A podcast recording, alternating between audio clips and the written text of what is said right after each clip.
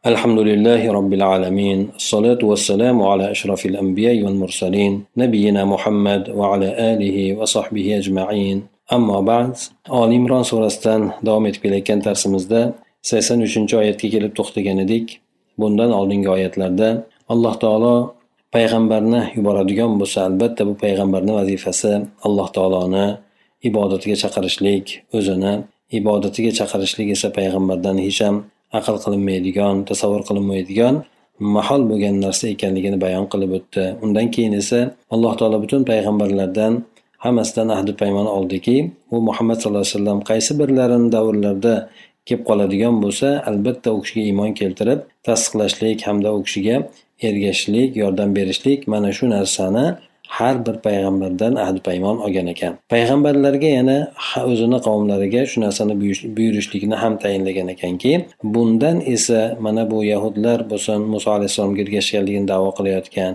xristianlar bo'lsin iso alayhissalomga ergashayotganligini davo qilayotganlar bular o'sha payg'ambarlari bergan ta'limotga teskari ish tutganligi uchun alloh taolo tomonidan bularni fosiqlar ya'ni kofirlar deb ataldi.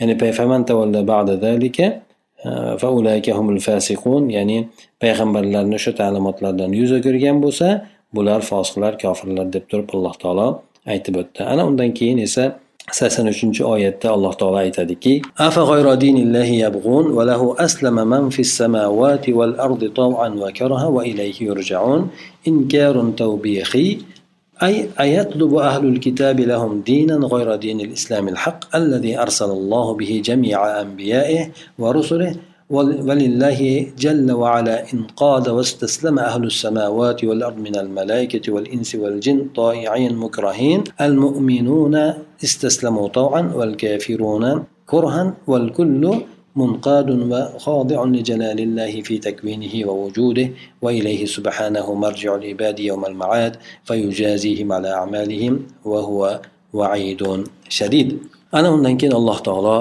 yana o'sha kofirlarga ya'ni xristian bo'lsin yahudlar bo'lsin ana o'shalarga judayam qattiq suratda tanbeh berib aytadiki ular alloh taoloni dinidan boshqani istashyapti bular ya'ni payg'ambarlar ularga islom dinini olib kelgan bo'lsa muso alayhissalom ham iso alayhissalom ham ulardan oldingi o'tgan payg'ambarlar ham hammasi islom haq dinini olib kelgan bo'lsayu ular boshqa payg'ambar sallallohu alayhi vasallam kelib turgan bo'lsa u kishiga ergashmasdan yana boshqacha bir dinni istashmoqchi bular yer osmondagi bo'lganlarni hammasi ixtiyoriymi majburiymi? Ana o'sha dinga yoki alloh taologa taslim bo'lgan. Ha majburiy suratda yoki itoat qilgan suratida. Alloh taoloni o'ziga hammalari qaytiladi ya'ni qiyomatda o'ylanglar qiyomatda sizlarga qattiq hisob kitob bo'ladi degan mazmunda alloh taolo ularga vaid qilib qo'rqitib aytyapti. Bu yerdagi inkor qilishlik tavbehiydir tavbehiy degani ya'ni jerkib tashlashlik degani. Ya'ni shunda ham ollohni dinidan boshqa narsani bilan istashadimi ha? deb aytayotganligi. Ya'ni bu yerda ahli kitoblar o'zlari uchun haqiqiy islom dinidan boshqa dinni istashmoqchi bo'lyaptimi? Bu din bilan alloh taolo butun hamma payg'ambarlar va rasullarni yuborgan bo'lsa alloh taolo uchun yeru osmondagi bo'lgan hamma zotlar taslim bo'lib bo'ysungan bo'lsa bular farishtalar bo'lsin insonlar bo'lsin jinlar bo'lsin bular ikki xil toifada bo'ysunib taslim bo'lgan hammasi. Ho itoat qilgan suratda bo'lsin ho majburlangan surat majbur kelgan holatda bo'lsin. Mo'minlar alloh taologa ixtiyoriy bo'lgan suratda taslim bo'lishgan kofirlar esa majburiy tomondan alloh taologa bo'ysunishgan ya'ni allohni qonunlariga iloji yo'q bo'ysunishadi bular. Bularni hammasi alloh taoloni ulug'ligiga bo'ysungan ya'ni hudu qilgan hudu qilgan ham o'sha bo'ysungan degan ma'noni bildiradi taslim bo'lgan ma'nosini bildiradi. Bular o'zini yaralishligida bo'lsin dunyoga kelishligida bo'lsin hamma narsada alloh taoloni qonuniga bo'ysunmasdan iloji yo'q. O'sha qonunni yaratgan alloh taolo demak payg'ambarlarni hammasini bir din bilan yubordi. Yana bundan tashqari yodlarda bo'lsinki qiyomat kunida butun bandalarni qaytadigan joyi alloh taoloni huzuriga bo'ladiki alloh taolo ularni qilgan amallariga ko'ra jazosini yoki mukofotini beradi. Bu narsa aytib o'tganimizdek judayam qattiq ularga vaid edi.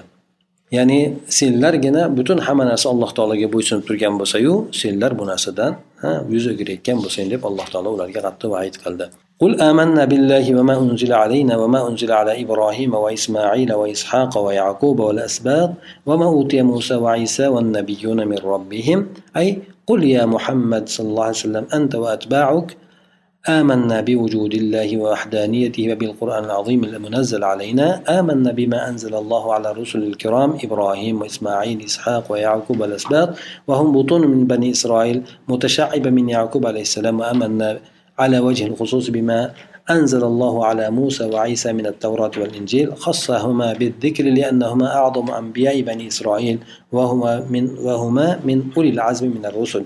Ana undan keyin payg'ambar sallallohu alayhi vasallamga alloh taolo xitob qilib aytdi xitob qilib aytdiki ayting biz ya'ni men ham ummatim ham alloh taologa iymon keltirdik. Bizga nozil qilingan narsalarga ham yana jumladan quyidagi payg'ambarlarga ham nozil qilingan narsalarga iymon keltirdik. Sizlar o'zinglarni payg'ambaringlarda yuborilgan narsasiga hali iymon keltirmayapsizlar chunki ha ba'zisiga iymon keltirib ba'zisiga kofir bo'lyapsizlar. Qur'onga esa iymon keltirmayapsizlar biz esa biz yuborilgan narsaga to'liq suratda iymon keltiryapmiz. Yana bizdan oldingi o'tgan payg'ambarlarni hammasiga yuborilgan narsalarga ham qo'shib turib to'liq suratda iymon keltiryapmiz deb ularga oshkor ayting deb alloh taolo payg'ambar sallallohu alayhi vasallamga xitob qilyapti. Ya'ni mufassir keltirib aytadiki ey muhammad sallallohu alayhi vasallam siz ham ergashuvchilaring ham ergashuvchilaringiz ham aytinglar. Biz alloh taoloni borligigayu birligiga bizga nozil qilingan buyuk qur'onga iymon keltirdik. Va yana shuningdek boshqa payg'ambar ulug' payg'ambarlarga nozil qilgan narsalarga ham iymon keltirdik. Ibrohim alayhissalom bo'lsin ismoil alayhissalom ishoq yaqub bu asbot. Asbot kim edi? Bu bani isroilni butunlari. Butun degani qabila sifatidagi bo'lgan qarindosh urug'chilik endi. Asosan bularni aytishadiki yaqub alayhissalomni nabiralari deb aytishadi. Vallohu alam. Payg'ambar bo'lishgan ular payg'ambar bo'lishgan bular shu yaqub alayhissalomdan tarqalgan shularga ham biz yuborilgan narsalarga iymon keltiramiz. Yana biz xossatan muso alayhissalom iso alayhissalomga alloh taolo nozil qilgan tavrotga ham injilga ham iymon keltiramiz biz.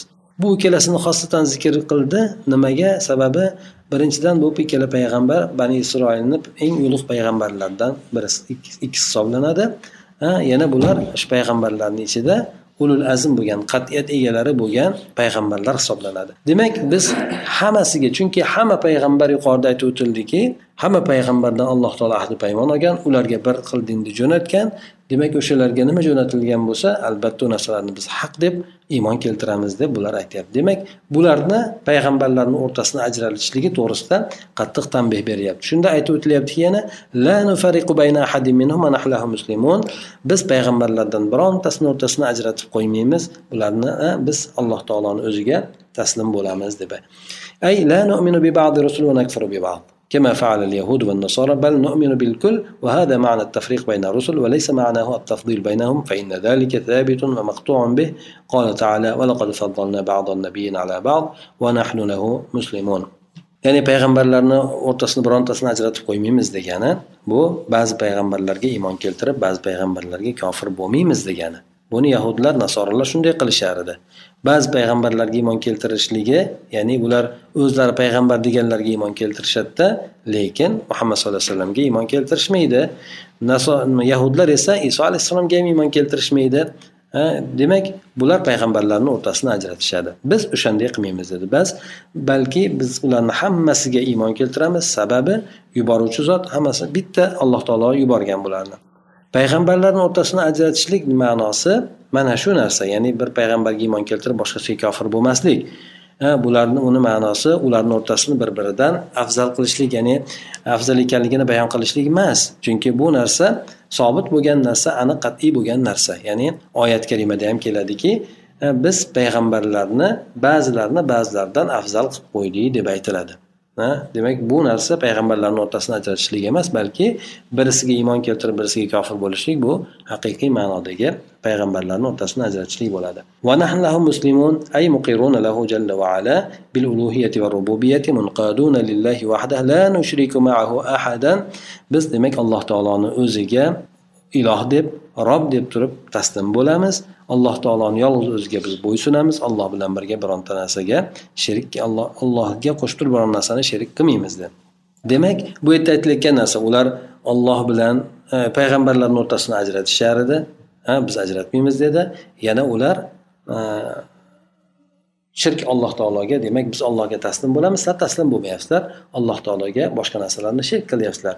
Ular iso alayhissalomni shirk qiladigan bo'lsa yana bir toifasi yahudlardan uzayr alayhissalomni alloh taologa shirk e, shirik qilishar edi ana undan keyin alloh taolo aytadiki vaman dinan va minal hada ta'kidun lima أن دين الإسلام هو الحق. أي ومن يطلب له دينا غير دين الإسلام بعد بعثة محمد عليه الصلاة والسلام فلن يتقبل الله منه ذلك وطاعته وعبادته مردودة وهو يوم القيامة من الأشقياء الخاسرين. والآية رد على من زعم من أدعياء العلم أن اليهود والنصارى إذا استمسكوا بدينهم ولم يدخلوا في الإسلام يدخلون الجنة مع المسلمين. وهذه فرية ما فيها فرية فإنها تعارض أن تعارض النص القاطع الصريح حيث حكم الله عليهم بالشقاء والخسران وأكده بعد ذلك بقوله سبحانه كيف يهدي الله قوما كفروا بعد إيمانهم وشهدوا أن الرسول حق وجاءهم البينات والله لا يهدي القوم الظالمين ana undan keyin alloh taolo yana ularni qattiq koygan holatda aytdiki kimki islom dinidan boshqani din deb xohlaydigan bo'lsa shuni istaydigan bo'lsa undan hargiz qabul qilinmaydi. Islomdan boshqa dinga kiradigan bo'lsa undan hargiz u dini qabul qilinmaydi. Yana u oxiratda ziyonkorlardan bo'ladi. Ya'ni aniq kofir bo'ladi degani. Bu narsa yuqorida o'tgan narsaga yana ta'kiddan kelyapti. Islom dini bu haq dindir. Kimki o'ziga bu islom dinidan boshqa dinni istaydigan bo'lsa muhammad sallallohu alayhi vasallam yuborilgandan keyin bu o'sha paytdagi payg'ambarlarga ya'ni nimaga xalqlarga xitob qilinyapti bu yerda yahud nasorolar chunki payg'ambar sallallohu alayhi vasallam kelib bo'lganida dinni olib kelib bo'lganida kimki muhammad sallallohu alayhi vasallam kelgan dindan boshqa dinni istaydigan bo'lsa demak undan hargiz alloh taolo qabul qilmaydi.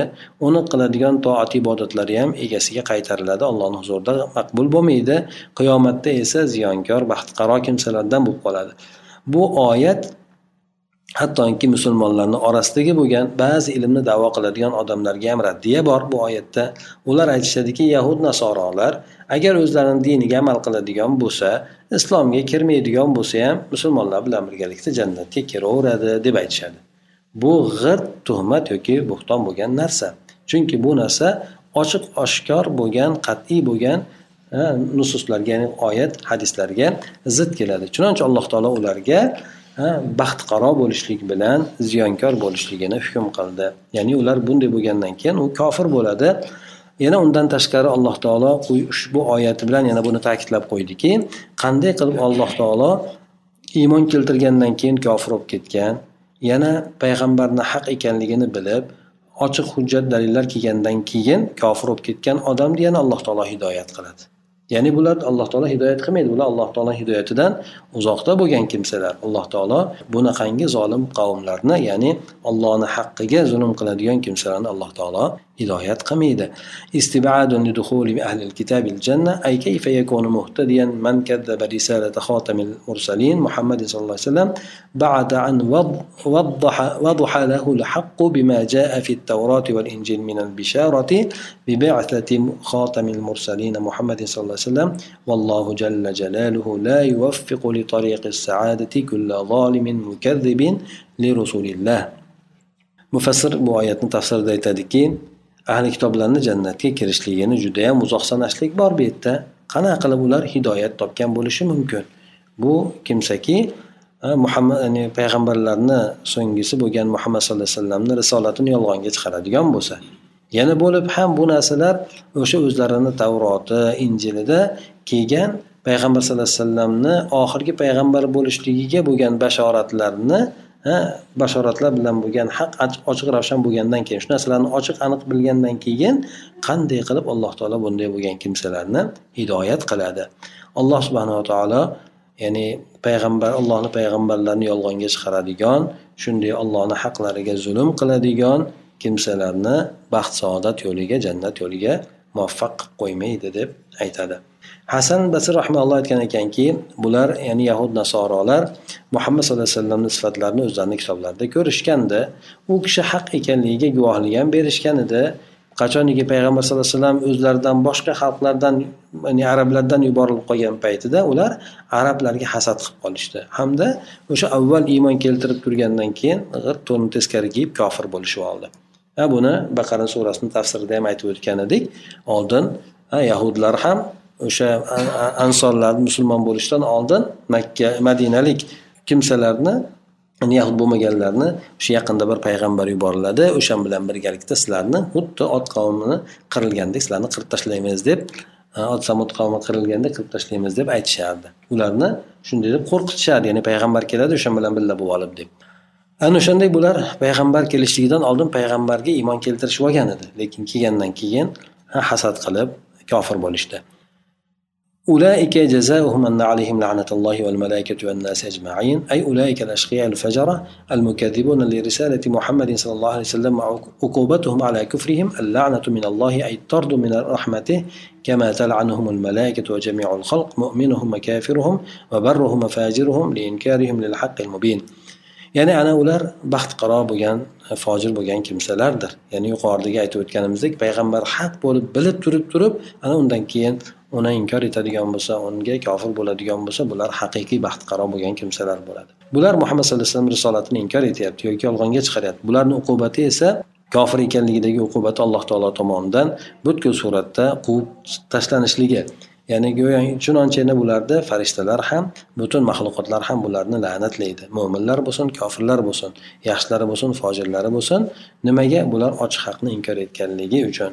Kofirlar nimaga bularni la'nat aytadi? Chunki bularni o'sha narsadan uzoq bo'lib ketishligi o'shalar sabab bo'lgan ha aytishadiku ya'ni kattalariga aytadi bularni parvardigor olam qattiqroq azoblagan chunki bular bizni yo'ldan adashtirdi deydi ularga ham bularga ham alloh taolo azob beradi lekin خالدين فيها لا يخفف عنهم العذاب ولا هم ينظرون أي ماكثين في نار الجحيم abadal abidin la yuxaffaf anhumul azabu va lahum yumhaluna fatratan minaz zaman ular endi demak shu jahannamda abadiy qolishadi. Ulardan azob hech yengillatilmaydi ular bir muhlat ham qo'yib qo'yilmaydi. Qachon dozaqga hukm qilingan paytda to'g'ridan to'g'ri dozaqga borib tashlanadi.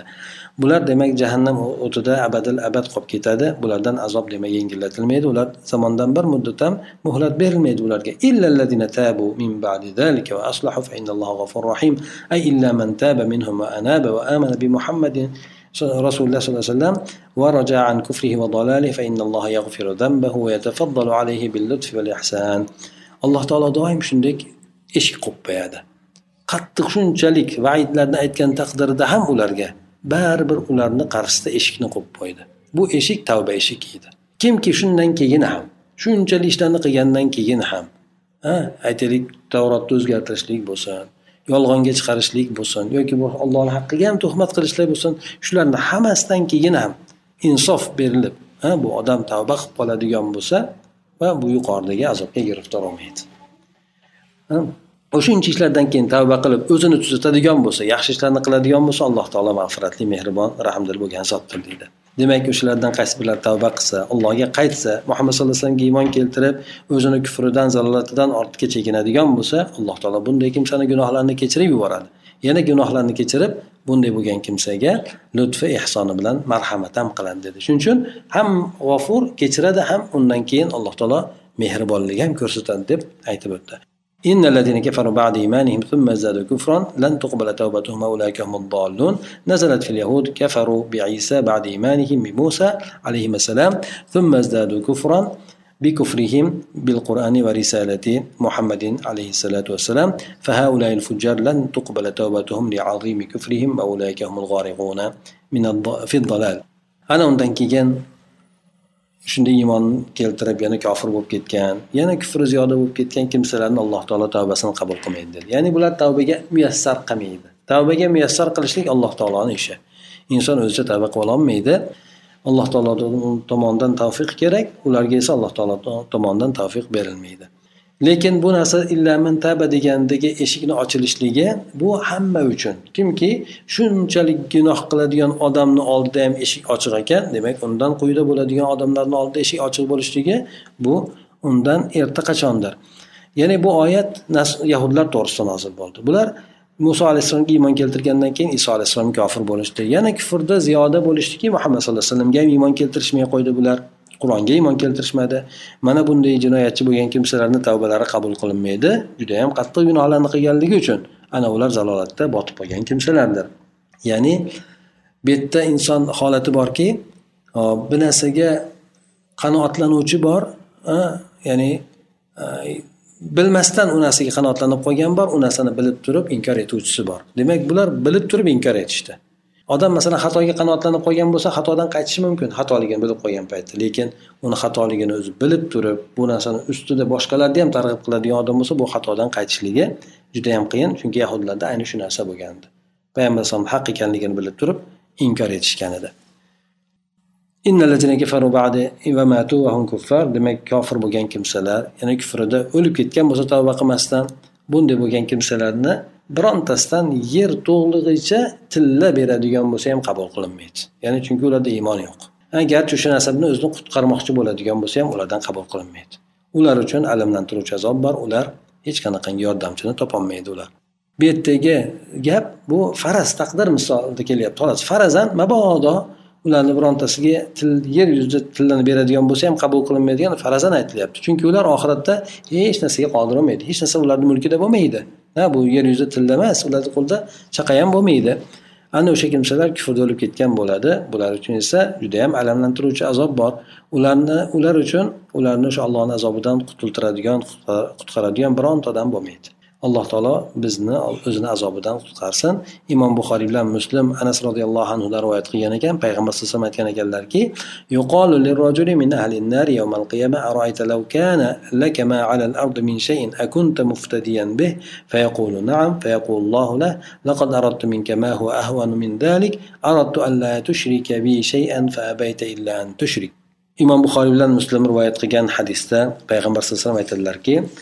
qiyomat kunida do'zax ahlidan bo'lgan bir odamga aytiladi.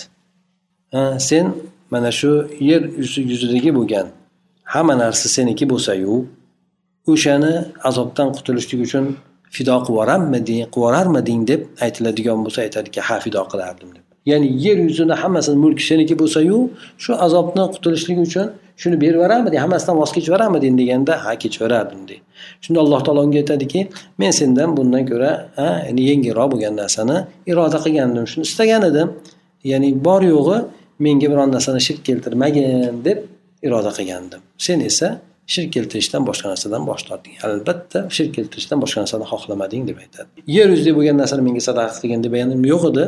Bor yo'g'i menga ibodat qilib shirk keltirma degandim shu narsani qilmading endi butun masalan inson bu narsani nima uchun qilmaydi? Chunki ko'proq boylikni ortidan bir narsadan mahrum bo'lib qolishdan qo'rqib turib qilmaydi.